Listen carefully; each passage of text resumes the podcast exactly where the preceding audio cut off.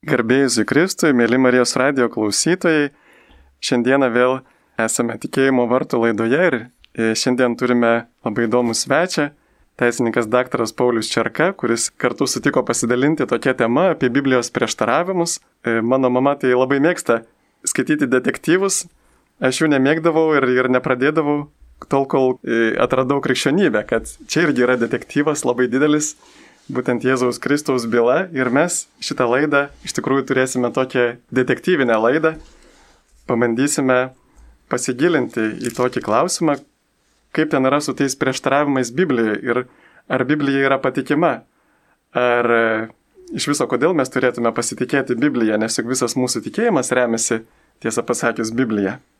Tai gerbiamas Pauliu, e, gal prieš tai trumpai jūs galėtumėt papasakoti apie savo kelią link Dievo, jūs esat mokslo žmogus, tyrinėjat faktus, jūsų darbas irgi ieškoti tiesos, e, atpažinti apgaulės.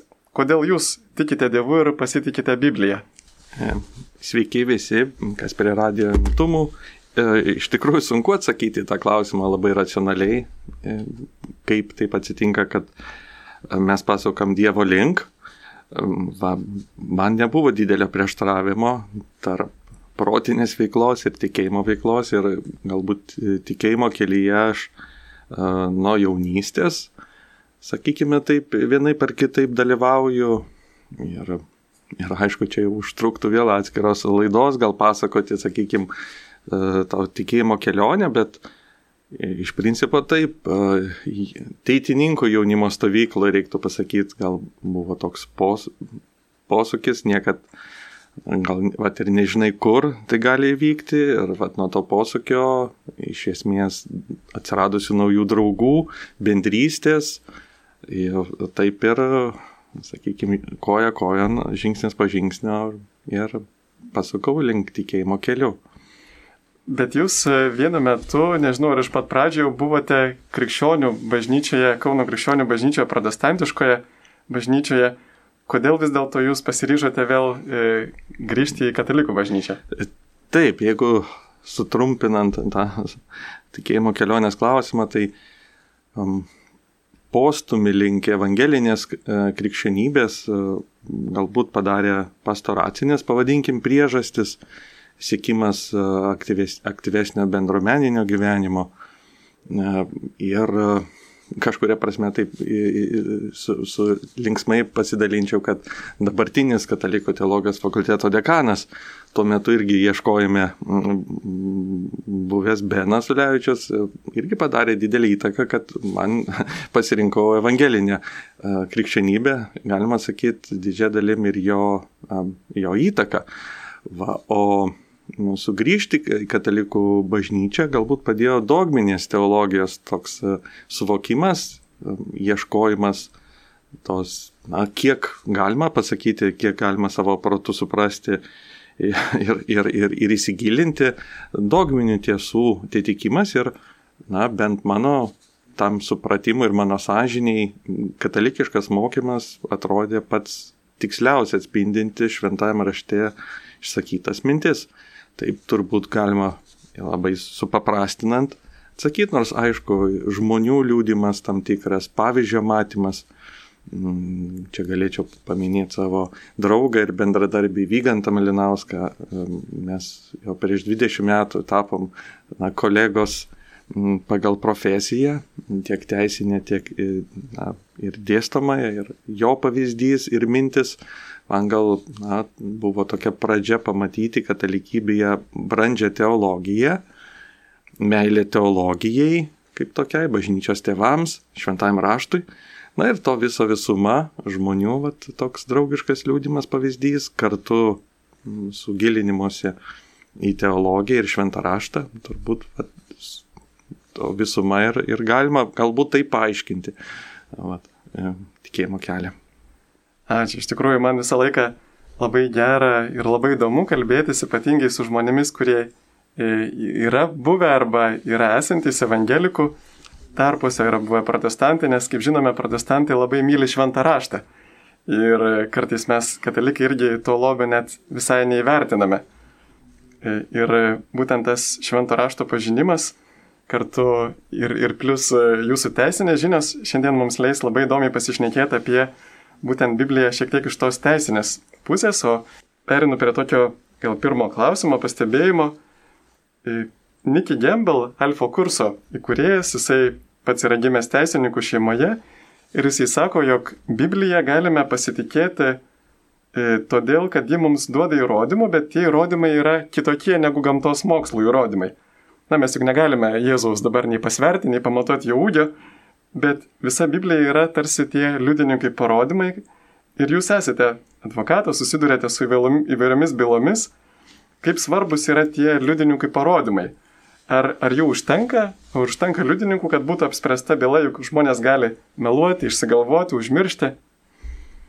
Iš ties, e, liudininkų parodymų šaltinis yra gan unikalus todėl kad e, liudininko atmintis nebūtinai yra tokia tiksli, kaip mes patys įsivaizduojam. Labai dažnai žmonės nustemba, na, nustemba supratę, kad jų atmintis gali su jais taip pat atlikti tam tikrą pokštą ir netikėtumą. Iš ties, laikui bėgant, dalis detalių išsitrina ir kas keišiausia, dalis atsiranda. Dėl to e, liudininkų parodymai turi tam tikrą ir nepatikimumo aspektą. Štai kodėl labai sudėtinga nuspręsti apie įvykio tikrumą iš vieno liudytojo. Labai gerai, jeigu yra daugiau šaltinių, nebūtinai liudytojai, tai gali būti daiktiniai įrodymai ar, ar dokumentai, bet būtent iš kelių šaltinių mes galim susidaryti na, tikresnį vaizdą. Štai, tačiau kalbant apie liudytojus, iš ties keturias evangelijas galima kažkuria prasme matyti kaip keturis liudytojus, kurių pasakojimai nėra identiški, bet tuo ir, tuo ir gerai. E, pamenu, savo studijų metu teko girdėti vieno profesoriaus pasakojimą apie teisminį procesą, kurio metu e, kilo gaisras siuvykloje ir buvo apklausiamos siuvėjos dėl gaisro aplinkybių ir vienai siuvėjai baigus liudytojai advokatas paprašė jos dar kartą E, papasakoti savo patirtį, labai atsiprašydamas, kad teks jai prisiminti, tai ir jį vėl papasako savo patirtį. E, ir klausimas atrodytų buvo visiškai nelogiškas, kam prašyti įmonės advokatui, e, tai siuvėjai papasakoti, na, skausmingą patirtį, kaip įgelbėjosi iš ugnies. Bet antrą kartą jai papasakojus pasirodo, kad jį papasakojo praktiškai identiškai, žodį žodin savo liūdimą ir paaiškėjo, jog jie yra išmokusi jį atmintinai. Tokiu atveju tai nėra, e, tai nėra liūdimas, tai yra teksto skaitimas, kad ir iš atminties. Liūdimas visada yra gyvas pasakojimas, ką žmogus prisimena, o ne tai, ką jis išmoksta, kaip teksto požiūriu. Štai kodėl e, Evangelijų tam tikras kitas požiūrio kampas rodo gyvumą ir tikrumą, kaip tik didina patikimumą, o ne atvirkščiai mažina. Būtų labai keista, jeigu visi evangelistai identiškai papasakotų tos pačius įvykius, tai tik rodytų, kad jie susimokė. O tai, kad jie kiekvienas autentiškai pasakoja savo patirtis, na, tai kaip tik patvirtina, kad jos yra tikros, o neišgalvotos ir nėra susimokytos. A, tai reiškia, jeigu būtų tos evangelijos visiškai identiškos, reiškia, kad buvo kažkur vienas šaltinis ir, ir, ir nebūtų keturių liudytojų, bet pradiškai būtų tik tai va tas vienas nepatikimas, o dabar tie tokie skirtumai, variacijos reiškia, kad iš tikrųjų buvo keletas e, jo liudytojų skirtingų. Taip, būtent taip. Kita vertus, aišku, yra tam, tikri, tam tikri įsireiškimai identiški ir čia jau švento rašto kritikai uh, siekia įsiaiškinti, ar buvo taip, kad, sakykime, Morkus ar Matas jau rašydami turėjo, pavyzdžiui, Morkaus evangeliją, kas labai tikėtina, nes kai kurie įsireiškimai uh, yra E, tokie patys. Aišku, tai gali būti, kad e, visi trys evangelistai turėjo mums nežinoma, taip teologų vadinama Jėzaus posakių rinkinį, kas greičiausiai irgi buvo, tam tikri pasakymai jau galėjo būti ankstyvoj krikščionybei, e, sakykime, be chronologijos, tiesiog kaip Jėzaus mintis. Tai paaiškintų kitą dalį, kad dalis tekstų iš ties, iš ties yra identiškai sutampančio. Reiškia, galėjo būti tarp jų uh, da, dirbant su tekstu, jie jau galėjo turėti tam tikrus, pavyzdžiui, ar ne tos pasakymus, kas ir paaiškintų sutaptis teksto. A, nes atrodo, ir Eusebijus Cezarietis mini savo bažnyčios istorijoje, kuri yra pati seniausia istorija iš ketvirto atrodo amžiaus, kad e, būtent tai buvo Mato, evangelisto Mato posakių rinkinys ir labai gražiai tai atvaizduota tame naujame seriale, labai populiariame The Chosen, išrinktieji, kur Matas yra muitininkas, labai gabus ir jis visą laiką nešiojasi užrašų knygelę ir jis viską rašosi. Tai turbūt irgi turi istorinio pagrindo, kad na, tie žmonės, e, jie užsirašinėdavo ir tikrai galėdavo ir tikrai ir, ir, ir, ir mokėdavo užsirašyti, bet tiesiog, va, kaip rašo pats Eusebijus Cezarėtis, kad jie Evangelijas parašė veikiau išvykdami, nes teikia pirmenybę tokiam žodiniam pasakojimui ir kai jie turėjo palikti savo bendruomenės, tada jie tarsi surašė e, tuos, tuos raštus.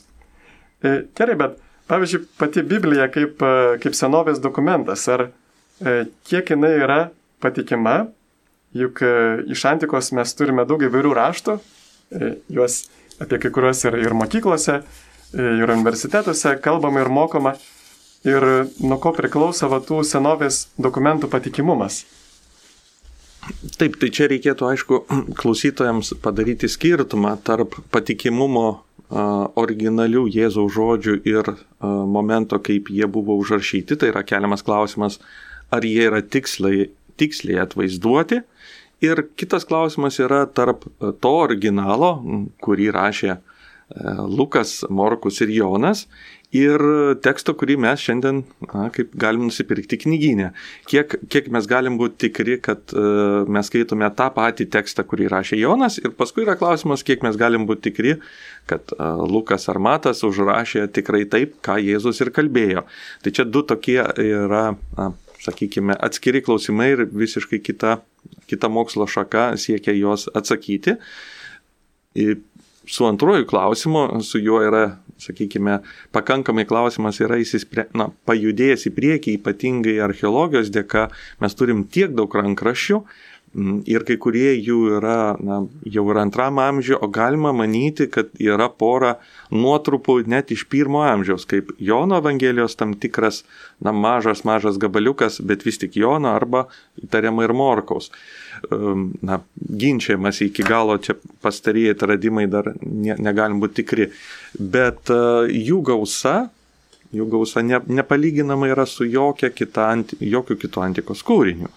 Mm, tai yra, mes turime jau beveik pilnus fragmentus, pil, pil, pilnus nuorašus iš antro amžiaus, tai sakykime šimtui metų praėjus, o jau trečiam, ketvirtam turim visą naują testamento rinkinį pilnai išsaugotą iki mūsų dienų. E, Plus Tai jau čia dešimtis tūkstančių galima būtų, jeigu mes čia skaičiuosime iki pirmo tūkstančio fragmentų, tiksliau manuskriptų ir papirusų, tai skaičius būtų be galo milžiniškas. Jok, joks kūrinys neturi tokio gausos ir tiek kritikų yra išnagrinėtas na, ir mums nekelia, sakykime, savo patikimumu, būtent teksto patikimumu. Ne, nieks nesako, kad jo patikimumas yra pačio turinio, bet teksto patikimumas. Tai kritikų nuomonė, Naujas testamentas yra a, grinai žiūrint pro šią prizmę, galima pasakyti 99,5 procentai, na, mes galim būti e, teksto apimtie visiškai tikri, kad jis yra originalus. Na, yra dėl to 0,5 procentų tam tikrų abejonių, kaip galėtų būti, bet čia reiktų vėl pasakyti, kad iš tų 0,5 procentų daugelis dalykų yra, pavyzdžiui, žodžių seka, ar Jėzus Kristus, ar Kristus Jėzus. Teksto kritikai tai taip pat yra klausimas, bet suprantama, na, skaitytojai tai mažai reikšmiškas dalykas, kuria tvarka surašyti žodžiai, ar pridėta žodis viešpats ar praleistas ir daugelis tokių, na, jungtukų praleidimo ir panašiai. O kad jau mes pasiektume tokio reikšmingesnio žodžio praleidimą ir įterpimą, tai iš vis yra vienetai to teksto. Na, toks kaip pavyzdį, galbūt, kad klausytojams sus, sus, suprastų, apie ką mes kalbam, galima būtų pateikti tokį vieną rimtesnių disputo, disputo klausimų, būtų tai, kai Jėzus sako, ši veislė nebus kitaip išvėjama kaip malda ir pasninkų, tai vat, e, yra dvi versijos. Pasninkas pridėta žodelis arba jo nėra. Ir vat, čia jau galima galbūt svarstyti, o kaipgi buvo iš tikrųjų, ar raštininkai jį papildė norėdami iškumo, ar priešingai jis nusimetė dėl kažkokių priežasčių. Tai va čia tokie būtų jau rimtesni klausimai, bet supraskim, kad jeigu tai yra rimčiausi klausimai, tai, tai skaitant Naują Testamentą dėl originalumo teksto, iš esmės abejonių jokių nėra. A, aš va, vienoje vietoje dar norėčiau jūs papildyti ir, ir vienoje vietoje dar pasitikslinti. Radau irgi tokią statistiką, tiksliau duomenys, kad, na pavyzdžiui, e, kai kurie jau žinomi e, senovės rašytojai, kaip pavyzdžiui, koks nors Tacitas, Herodotas, na va pavyzdžiui, Tacitoje yra išlikę iš viso 33 rankraščiai ir pats ankstyviausias rankraštis, tai yra na, nuorašas, kurį turime, yra parašytas tūkstantį metų, tūkstantis metų po to po originalo. Taip pat turime 109 Herodotų irgi nuorašus, parašytos irgi po 1300 metų nuo originalo, 219 Platono irgi kopijų, vėl 1200 metų tarpas, paskui 1000 Aristotelio panašus tarpas, taip pat pats patim, antras pagal patikimiausią senovės raštas atradau, kad yra Homero Iliada. Jos, jeigu neklystu, yra išlikę 1757 rankraščiai ir ankstyviausia kopija parašyta praėjus 400 metų po originalo. Taigi net ir, ir lyginant Iliadą su, su Naujojo testamentu mes matome, kad yra labai didelis skirtumas, kad yra, pavyzdžiui, Naujojo testamento iš viso kopijų išlikę 25 tūkstančiai ankstyvųjų kopijų ir va 6 tūkstančiai graikų kalba, 10 e, tūkstančių lotynų kalba, e, taip pat e, irgi keli tūkstančiai kitomis, 8 tūkstančiai kitomis kalbomis. Ir, ir tas laiko tarpas yra labai nedidelis. Va, pavyzdžiui, graikų kalba tai nuo 30 iki 150 metų laiko tarpas tarp originalų ir turimų nuorašų ar fragmentų. Taigi iš antro amžiaus yra tos e, Naujo testamento įvairūs fragmentai. Na tai žodžiu, kad e, tikrai nėra lygių e, Naujajam testamentui pagal tokį patikimumą. Bet, va, pavyzdžiui, vienas iš e, tokių e, kritikų šventojo rašto E, Bertas Sermanas yra sakęs, kad e, kokia nauda sakyti, jog originalus Naujojo testamento raštai buvo Dievo įkvėpti, originalų juk neliko, turime vien tik klaidų pilnus nuorašus. Didžioji jų dauguma buvo parašyti keliais šimtmečiais vėliau nei originalai ir smarkiai skiriasi nuo jų, pakeitimų turimuose rankraščiuose gausiau nei žodžio Naujajame testamente. Bet aš irgi pasidomėjau, kiek ten tų yra E, netitikimų, tai yra maždaug 400 tūkstančių skirtumų ir tiek nėra žodžių Naujajame testamente. Ir e, jisai toliau rašo, jei negalime pasikliauti Naujojo testamentu, tai negalime tikėti ir tuo, ką manome žina apie Jėzų iš Nazareto. Vadinasi, nėra tokio dalyko kaip autentiška krikščionybė, citatos pabaiga. Tai vad kaip čia yra su tais 400 tūkstančių skirtumų. Taip, Bartas Ertmanas tikrai yra labai žinomas mokslininkas ir e, tikrai puikus e, Naujojo testamento teksto kritikas, ir, bet vis tik e, šiuo atveju, na, galima pasakyti, jis perlenkė lasdą, viena vertus, ne, pateikdamas ir teisingus faktus, bet labai, na, ikime, iki kraštutinumo, na, privedęs prie tam tikrų išvadų. Ir čia reiktų pasakyti, kad iš ties visos klaidos yra fiksuojamos visų rankraščių. Tai yra jos tiesiog vedamos į registrą tiem mokslininkam, kurie bando atkurti originalų tekstą. Todėl visos klaidos, kad ir menkiausios, jungtukai, žodžių tvarka, ir panašaus pobūdžio netitikimai irgi laikomi netitikimu, nes teksto kritika dirba su visais e, teksto netikimais ir šiuo atveju jie yra fiksuojami, nesvarbu ar tai antro ar trečio, tol, kol yra manuskriptai, yra iki 8-9 amžiaus, vat, jūsų visi paminėti, jie visi yra fiksuojami, visi jų netikimai. Kiekvienas yra sprendžiamas. Daugelis tų netitikimų visiškai nėra galvosukiai, jie yra lengvai sprendžiami, tai yra aiškiai galima pamatyti, kad atsiradę laikui bėgant, na, dėl tam tikros perrašinėtojo klaidos arba na, tam tikros motivacijos, sakykime, kažką pataisyti. Taip kad daugelis tų klaidų nėra, na, nėra tokios sudėtingos, jos tiesiog yra užfiksuotos kaip egzistuojančios. O um, problema Barto Erkmano teiginio atsispiria nuo to, kad nuo klaidingo supratimo, kasgi tas yra įkvėptas tekstas jeigu įkvėptą tekstą laikyti Dievo padiktuotą, na, ausimi girdimą ir kažko užrašytą, kaip tarytum e, mes turime tam tikrų religinių knygų, kurios būtent taip yra suprantamos kaip Dievo arba kažkokios kitos dievybės padiktuotos, kaip galėtų būti ta Mormono knyga, na, Urantijos knyga yra tų tokių modelio, kad taip žmonės supranta įkvėpimą. Tai šiuo atveju Naujas testamentas yra įkvėptas ne tokiu būdu. Nėra to pažodinio diktavimo, niekas nesėdėjo ir, ir negirdėjo balso, kurį reiktų užrašyti. Tokiu atveju mes visiškai neperginam dėl jungtuko ar dėl žodžių tvarkos, nes tai, tai nėra taip ir be galo ir svarbu. Dievo įkvėpimas yra kitokio pobūdžio negu jį turėjo Martas Ertmanas. Jis, na, sakykime, buvo pakankamai fundamentalistinių pažiūrų ir jo supratimas, kad mes negalime šimtų procentų būti tikri dėl kiekvienos Naujojo testamento raidelės, na, jam tarytum tą tikėjimą jį šiek tiek palaužė. Bet man, aš sakyčiau, problema yra neteisingam supratime, kas yra tas įkvėptas tekstas ir kaip mums jį reikėtų priimti. Niekiek, nereikėtų mąstyti, kad tai yra padiktuotas. Priešingai, tai buvo be galo gyvas, Mm, tekstas išgyventas pačių autorių, visiškai autentiškas jų. Rašydami Naujojo testamento tekstus autoriai nenujautė, kad mes šiandien juos laikysime šventojų raštu. Pavyzdžiui, Paštalas Paulius rašė gana asmenišką laišką Filemonui dėl jo tikro vergo pabėgimo ir prieimimo. Jis tikrai nenujautė, kad tas laiškas vėliau bus skaitomas taip viešai, jis rašė jį labai asmeniškai, jis, e, išgyvendamas tam tikrą dramą, na, kritinę dramą savo draugų gyvenime. Ir na, iš tikrųjų Filemonas, jo sunus greičiausiai buvo bažnyčios vyskupas, išsaugojo laišką ir mes šiandien jau turim šimtam rašte ir taip su visom knygom. Visos jos turi kontekstą, e, kodėl jos buvo parašytos, viso, e, kad ir religinį, bet vis tik kontekstą.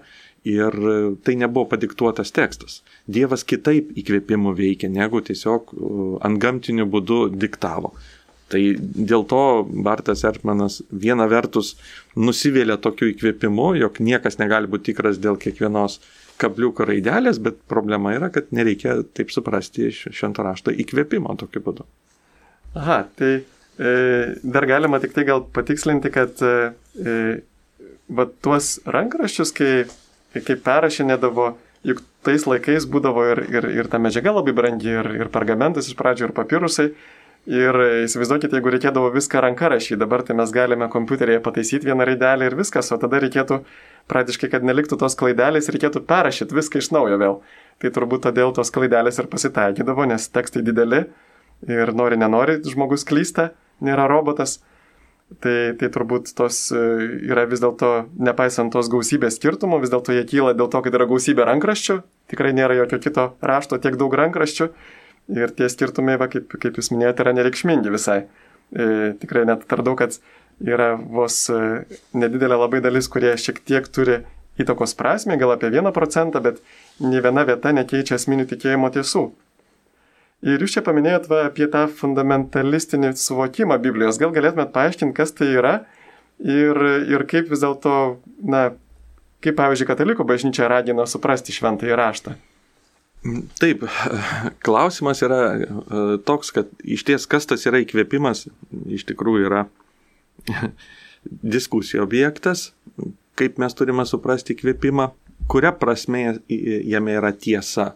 Ir čia, aišku, klausimas e, su, taip pat liestų pačią tiesą, kas, kas yra tiesa.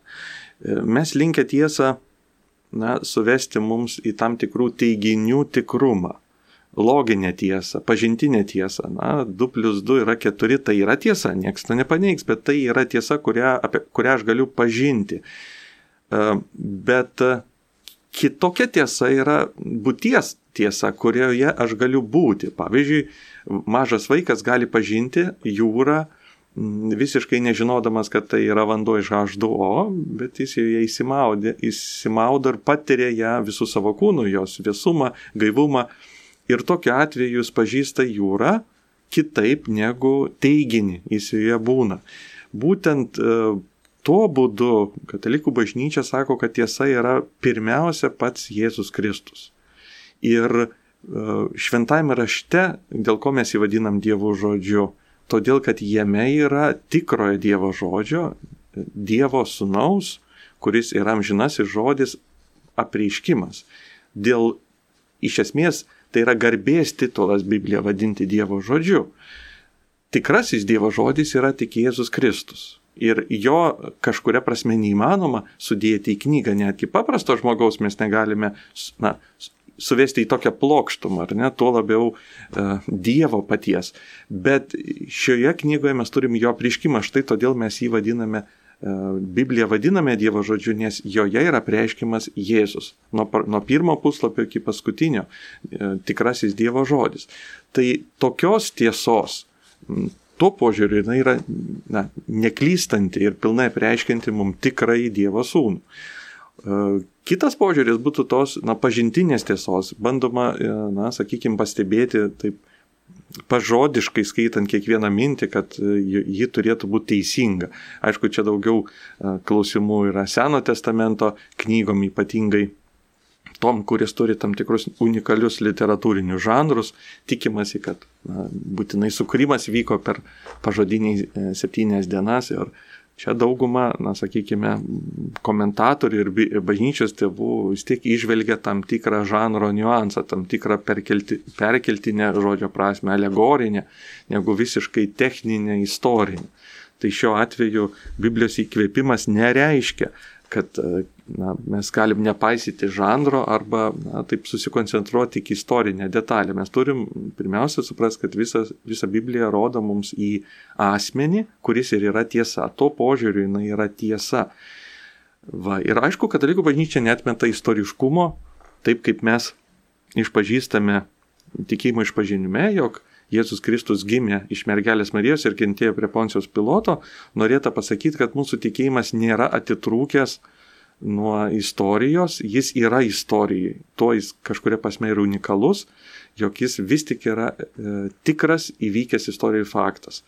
Na, tą mes kiekvieną sekmadienį išpažįstame. Būtent Kristaus įvykio ir slėpinio istoriškumą. Taip, ir primenu dar klausytojams, kad čia yra e, klausotės laidos tikėjimo vartai. E, kalbame su teisininku daktaru Pauliumi Čerka apie prieštaravimus Biblijoje. Ir iš tikrųjų, vad jūs paminėjote tuos žanrus, skirtingus žanrus. Ir kad, bet ar, ar tiesa, kad iš tikrųjų pati katalikų bažnyčia net iki, atrodo, gal 20 net amžiaus ar 19 amžiaus vat ir aiškino tuos, pavyzdžiui, sukūrimo pasakojimais paraidžiui. Tarsi taip ir suprato, kad, kad taip reikia suprasti, kaip e, ten yra parašyta. Tik tai vėliau, kada jau e, pasipylė mokslo e, kažkokie atradimai apie Žemės amžių, kažkaip ta nuomonė buvo liktai pakeista. Ar, ar netas, ar liktai Augustinas jau yra sakęs kažką ir anksčiau apie tai? Iš, iš ties dogmiškai niekada nebuvo pasakyta, kaip reikėtų suprasti vieną ar kitą vietą.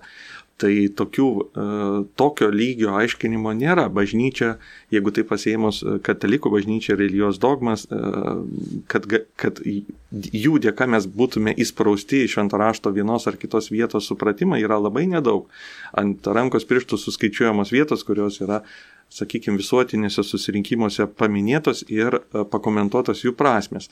Todėl iš principo e, bažnyčios teologai turi didelę laisvę pateikti vieną ar kitą interpretaciją ir bažnyčia niekada nepasako, kad štai šita yra tikrai teisinga ir viena vienintelė. E, tiesiog yra tam tikras pakantumas, ir leidimas na, sugyventi keliom interpretacijom, ypatingai sudėtingesniom Biblijos vietom.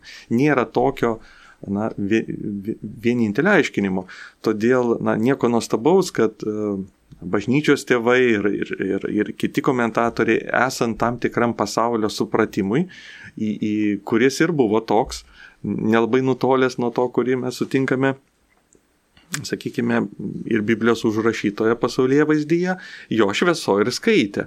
Bet tai nereiškia, kad jie būtinai taip ir aiškino. Jie tiesiog na, jie nebuvo, jų nekankino toks, tai tie klausimai, kurios kankina mus 21 amžiaus žmogų. E, įsiaiškinti tikrąjį amžių, e, suprasti pokyčius e, iš visatos kilme, grinai fizikinė prasme.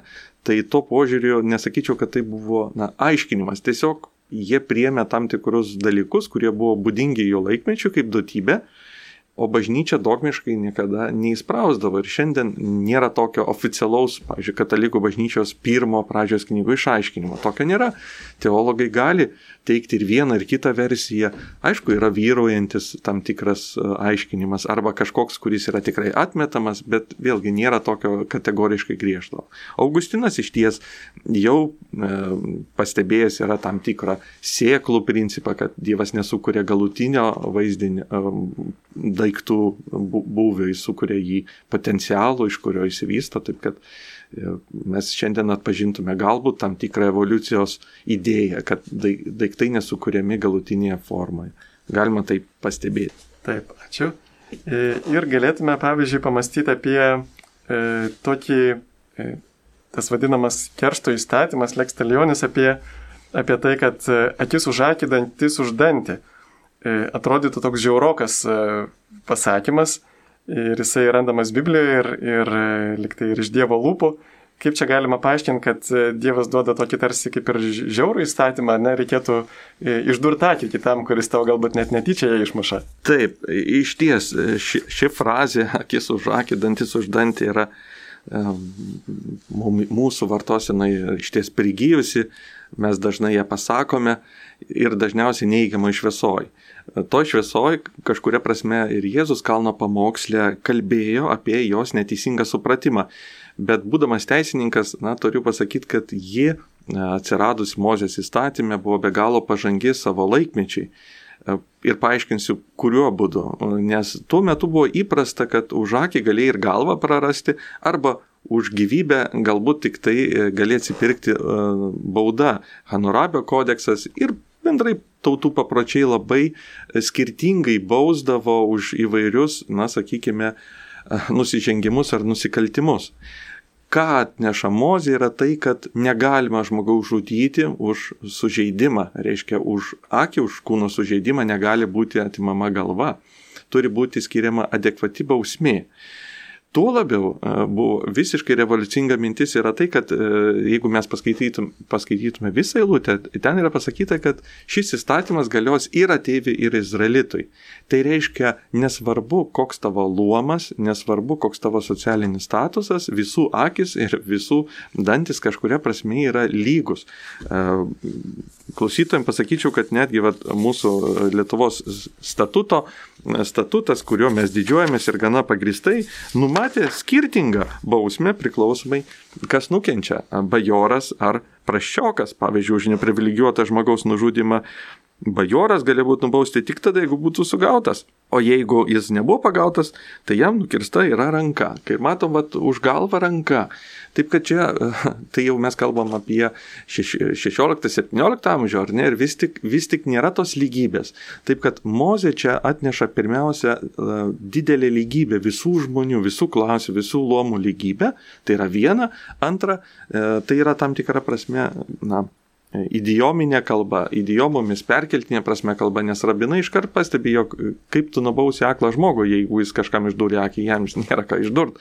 Todėl e, be abejonės buvo e, žiūrima jau į tam tikrą principą, kad bausmė turi būti nepriklauso nuo žmogaus luomo, socialinės padėties ir ji turi būti adekvati kągi Jėzus nori pasakyti savo klausytojams. Ne tai, kad jis pakeistų šitą visuomeninį e, tvarką, jinai tikrai yra gera, bet jis įveda e, savo klausytojus į tam tikrą aukštesnį standartą, vidinį standartą, atlaidumo standartą. Jo mes negalime įdėti į įstatymus, bet juo mes turime vadovautis na, savo kelyje, tikėjimo kelyje, savo etikoje. Ir na, jis kalba irgi apie teisinės padėtis, apie bilinėjimąsi dėl apsiausto, apie skolinimą, apie atsukimą kitos kruosto. Visos tos situacijos yra labai teisinės, reguliuojamos įstatymų ir jo, jų kažkuria prasme perkelimų į etiką, kas ir buvo klaida, ir jo komentavimo. Taip, kad e, Jėzus ne, neatšaukė e, teis, kad teismai turėtų taikyti akis už akį, kaip ir baudžiamasis kodeksas, jeigu pasakysim, dabartinis mūsų ir, ir, ir visa vakarų civilizacija yra paremta tuo, kad uh, žala turi būti atlyginama adekvačiai ir bausmė turi būti proporcinga nusikaltimui. Tai tuo atveju tikrai jokių pretenzijų tam nėra. Priešingai, Mozė, kaip ir sakau, yra didelis žingsnis į priekį civilizacijos prasme, savo dienų kontekste, o Jėzus tik moko, kad mūsų vidinėje etikoje, asmeniniam gyvenime mes negalim vadovautis baudžiamojų kodeksu, mes turim vadovautis aukštesniais standartais. Tai, tai to, to požiūriu, sakykime, jis ir pildo. Čia jau reikėtų vėl pradėti naują, naują kaip sakyti, komentarą, nežinau, kiek aš turiu laiko nagrinėti klausimus su taip tuo populiariu atsukti kitą žandą, ar ne, arba nenusigręžti nuo norinčio pasiskolinti.